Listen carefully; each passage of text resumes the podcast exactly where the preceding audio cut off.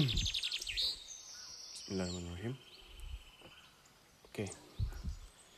Kembali lagi di Bill Podcast Community pada episod 3 yang di mana ini adalah lanjutan dari episod sebelumnya bahwasanya kita sudah membahas tentang pengertian tauhid serta keutamanya. Dan sekarang kita akan membahas wujud Allah dan pembagian tauhid yang terdiri dari tiga macam. Yang sebelumnya sudah aku sebutkan di episod sebelumnya kerana waktu itu belum sempat dibahas kerana ada batasan terhadap waktu yang sudah dibikin. Okey, apa saja uh, terhadap pembagiannya? Yang pertama adalah mengenal wujud Allah. Yaitu beriman bahawa Allah itu ada.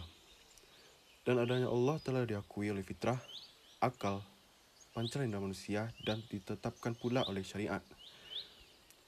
Ketika seseorang melihat makhluk ciptaan Allah yang berbeza-beza bentuk, warna, jenis dan sebagainya, akal akan menyimpulkan adanya semuanya itu tentu ada yang mengadakannya dan tidak mungkin ada yang sendirinya. Dan panca kita mengakui adanya Allah di mana kita melihat ada orang yang berdoa, menyuruh Allah dan minta sesuatu lalu Allah mengabulkannya. Adapun tentang pengakuan fitrah telah disebutkan oleh Allah di dalam Al-Quran. Dan ingatlah ketika Tuhanmu menurunkan keturunan anak Adam dari sulbi mereka dan Allah mengambil kesaksian terhadap jiwa mereka seraya berfirman, Bukankah aku ini Tuhanmu? Mereka menjawab, Betul, engkau Tuhan kami. Kami mempersaksikannya. Kami lakukan yang demikian itu. Agar kalian pada hari kiamat tidak mengatakan sesungguhnya kami Bani Adam adalah orang-orang yang lengah terhadap ini, iaitu kekesaanmu. Atau agar kamu tidak mengatakan, sesungguhnya orang-orang tua kami telah mempersekutukan Tuhan sejak dahulu, sedangkan kami ini adalah anak-anak keturunan yang datang setelah mereka. Quran Surah Al-Araf ayat 172-173 Ayat ini merupakan dalil yang sangat jelas bahawa fitrah seseorang mengakui adanya Allah dan juga menunjukkan bahawa manusia dengan fitrahnya mengenal Rabbnya. Adapun peti syariat, kita meyakini bahawa syariat Allah yang dibawa para Rasul yang mengandung maslahat bagi seluruh makhluk menunjukkan bahawa syariat itu datang dari sisi zat yang maha bijaksana. Bisa dilihat dari syarah akidah Al-Sitiyah Syekh Muhammad bin Salih Al-Utsaimin halaman 41 sampai 45. Yang kedua, mengenal rububiyah Allah. Pengertiannya sendiri adalah mengesahkan Allah dalam tiga perkara, iaitu penciptaannya, kekuasaannya, dan pengaturannya. Dan ini juga bisa dilihat di syarah akidah Awasitiyah Syekh Muhammad bin Salih Al-Saimin halaman 14. Mengapa buku ini sangat perlu untuk dimiliki? Karena dalam syarah akidah wasitiyah ini punya banyak referensi. Kalau nggak salah itu halam punya 500 halaman lebih. Itu bisa kalian baca semuanya. Karena di sana sangat jelas sumber-sumber yang bisa kalian acukan untuk membacakan sebuah apa ya namanya. Bukannya di referensi buat diri kalian sendiri.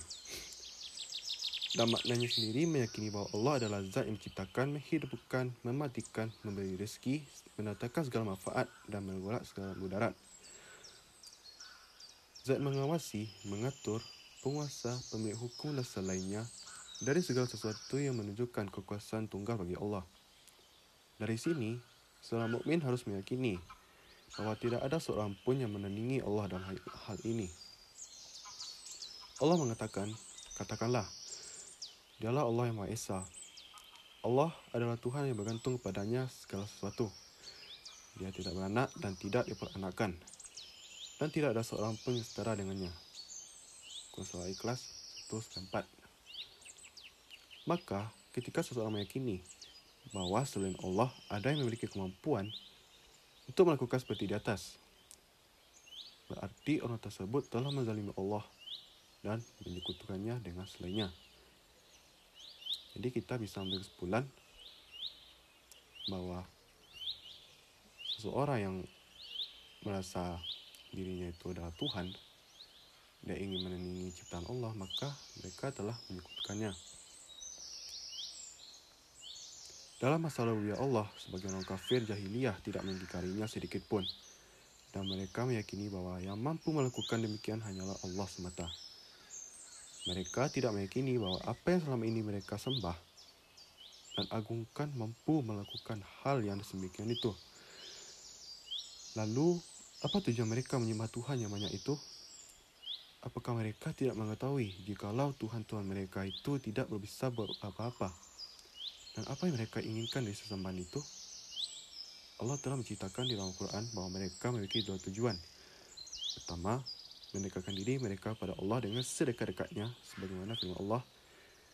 Dan orang-orang yang menjadikan selain Allah sebagai penolong mereka mengatakan, kami tidak menyembah mereka melainkan agar mereka menemukan kami di sisi Allah dengan sedekat-dekatnya. Quran Surah Al-Zumar ayat 3 Kedua, agar mereka memberikan syafaat pembelaan di sisi Allah, Allah berfirman, dan mereka menyembah Allah, dan mereka menyembah selain Allah dari apa-apa yang tidak bisa memberikan mudarat dan manfaat bagi mereka dan mereka berkata mereka sesembahan itu adalah yang memberi syafaat kami di sisi Allah. Quran Surat Yunus ayat 18 dan bisa juga dilihat dari kitab Kashfu Subhat karya Syekh Muhammad bin Abdul Wahab. Keyakinan sebagian orang kafir terhadap Tauhid Rububiyah Allah telah dijelaskan Allah dalam beberapa firman-Nya. Kalau kamu bertanya kepada mereka, siapakah yang menciptakan mereka? Mereka akan menjawab Allah. Quran Surah Az-Zukhruf ayat 87. Dan kalau kamu bertanya kepada mereka, siapakah yang menciptakan langit bumi? Dan yang menundukkan matahari dan bulan? Mereka akan mengatakan Allah. Quran Surah Al-Kabut 61. Dan kalau kamu bertanya kepada mereka, siapakah yang menurunkan air dari langit lalu menghidupkan bumi setelah matinya? Mereka menjawab, Allah. Quran Surah Al-Kabut ayat 63. Demikianlah Allah menjelaskan tentang keyakinan mereka terhadap Tauhid Rububiyah Allah. Keyakinan mereka yang demikian itu tidak menyebabkan mereka masuk ke dalam Islam dan menyebabkan halal darahnya dan harta mereka sehingga Rasulullah mengumumkan peperangan melawan mereka. Makanya, jika kita melihat kenyataan yang terjadi di tengah-tengah kaum muslimin saat ini, kita sadari betapa besar kerusakan akidah yang melanda saudara-saudara kita. Banyak yang masih meyakini bahawa Allah, ada yang mampu menolak mudarat dan menetapkan manfaat, meluluskan dalam ujian, memberikan keberhasilan usaha dan menyembuhkan penyakit. Sehingga mereka berbondong meminta-minta di kuburan orang-orang salih atau kuburan para wali atau di tempat-tempat keramat. Mereka harus pula mendatangi para dukun, tukang ramal, dan tukang tenung atau dengan istilah sekarang paranormal. Semua perbuatan dan keyakinan, keyakinan ini merupakan keyakinan yang rusak dan bentuk kesyirikan pada Allah. Ringkasnya, tidak ada yang bisa memberi rezeki, menyembuhkan segala macam penyakit, menolak segala macam mara bahaya, memberikan segala macam manfaat, membahagiakan, menyengsarakan, menjadikan seseorang miskin kaya, yang menghidupkan, yang mematikan, yang meluluskan seseorang dari segala macam ujian, yang menaikkan dan menurunkan pangkat dan jabatan seseorang kecuali Allah. Semuanya ini menuntut kita agar hanya minta kepada Allah semata dan tidak kepada selainnya. Jadi sebanyak-sebabnya apapun manusia, sejenis apapun manusia, mereka tidak akan bisa menandingi ciptaan Allah. Yang ketiga, mengenal uluhiyah Allah.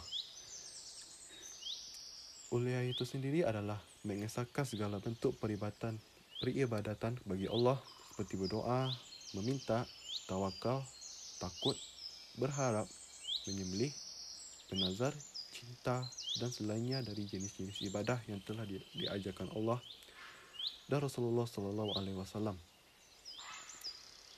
Memperuntukkan satu jenis ibadah kepada selain Allah termasuk perbuatan zalim yang besar di sisinya yang sering diistilahkan dengan syirik kepada Allah.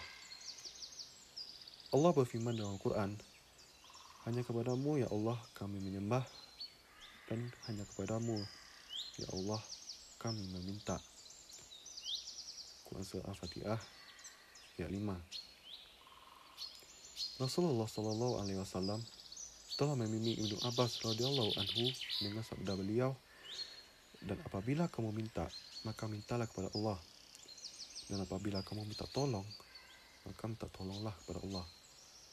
Hadis riwayat Tirmizi. Allah berfirman dan sembahlah Allah dan jangan kalian menyekutukannya dengan sesuatu apapun Quran Surah An-Nisa ayat 36 Allah juga berfirman Wahai sekalian manusia, sembahlah Rabb kalian yang telah menciptakan kalian dan orang-orang sebelum kalian, agar kalian menjadi orang-orang yang bertakwa. Quran Surah Al-Baqarah ayat 21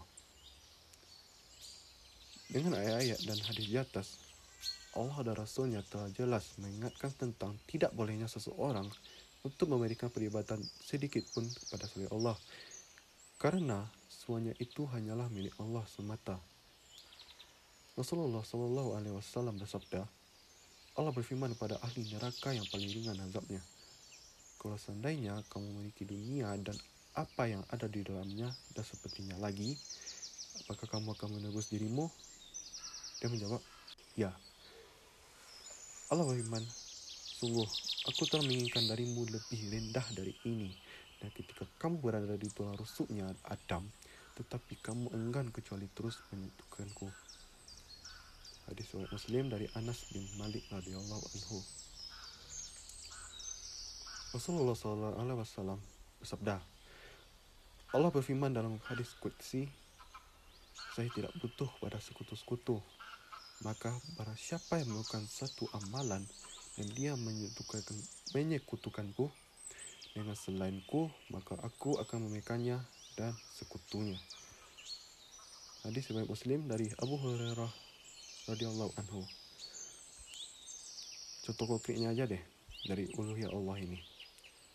Ketika seseorang mengalami musibah di mana ia berharap bisa terlepas dari musibah tersebut, lalu orang tersebut datang ke makam seorang wali atau datang ke seorang dukun atau ke tempat keramat atau ke tempat lain yang meminta di tempat itu agar penghuni tempat tersebut atau sang dukun bisa melepaskannya dari musibah yang menimpanya. Ia begitu berharap dan takut jika tidak dipenuhi keinginannya.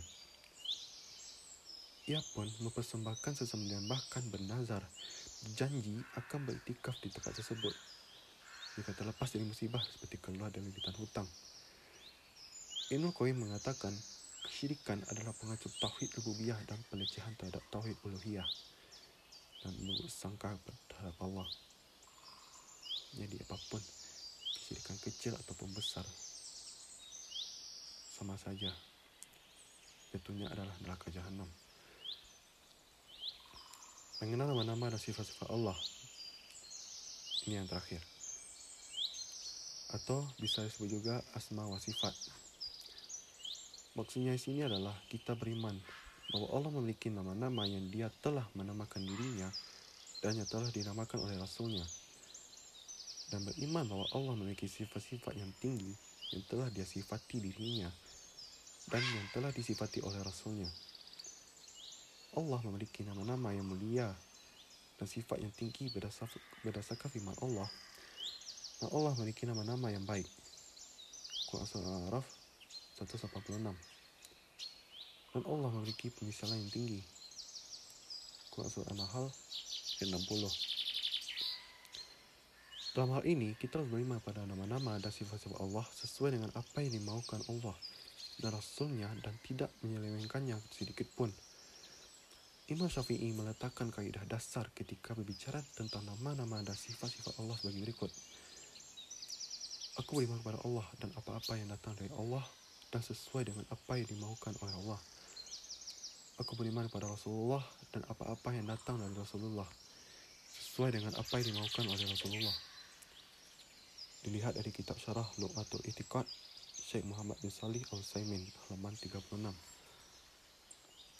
Ketika berbicara tentang sifat-sifat dan nama-nama Allah yang menyimpan dari yang dimaukan oleh Allah dan Rasulnya maka kita telah berbicara tentang Allah tanpa dasar ilmu itu, yang demikian itu diharamkan dan dibenci dalam agama. Allah berfirman, Katakanlah, Tuhanku hanya mengharamkan perbuatan yang keji, baik yang nampak maupun yang tersembunyi. Dan perbuatan dosa, melanggar hak manusia tanpa alasan yang benar, mengharamkan mempersekutukan Allah dengan sesuatu yang Allah tidak memerlukan hujah atau keterangan untuk itu. Dan mengharamkan kalian berbicara tentang Allah tanpa dasar ilmu. Kuasa Al-Araf ayat 33. Dan janganlah kamu mengatakan apa yang kamu tidak memiliki ilmu padanya. Sesungguhnya pendengaran, penglihatan, dan hati semuanya akan diminta pertanggungjawabannya. Quran Surah Al-Isra ayat 36. Allah Allah. Jadi, yang sebenarnya ketika tahun ini masih banyak sih detail-detail yang perlu disampaikan. Mungkin akan dibuat episod terpisah satu episod full untuk tauhid tauhid rububiyah, satu tauhid uluhiyah dan satu asma wa sifat. Okey. Mungkin Okey itu saja yang mungkin bisa aku sampaikan terhadap pembahasan kali ini. Untuk selanjutnya mungkin kita akan banyak masih membahas tauhid. Mungkin beberapa episod lagi. Termasuk yang sudah aku sampaikan sebelumnya itu ada beberapa episod terpisah. Terhadap salah satu tauhid itu secara full atau detail. Yang mungkin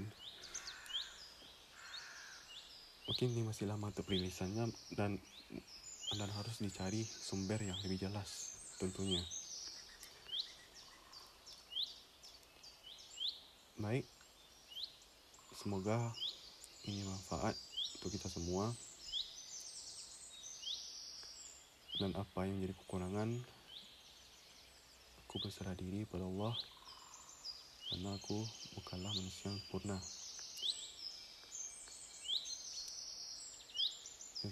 Jazakumullah khair. Yang sudah mendengarkan. Barakallahu fikum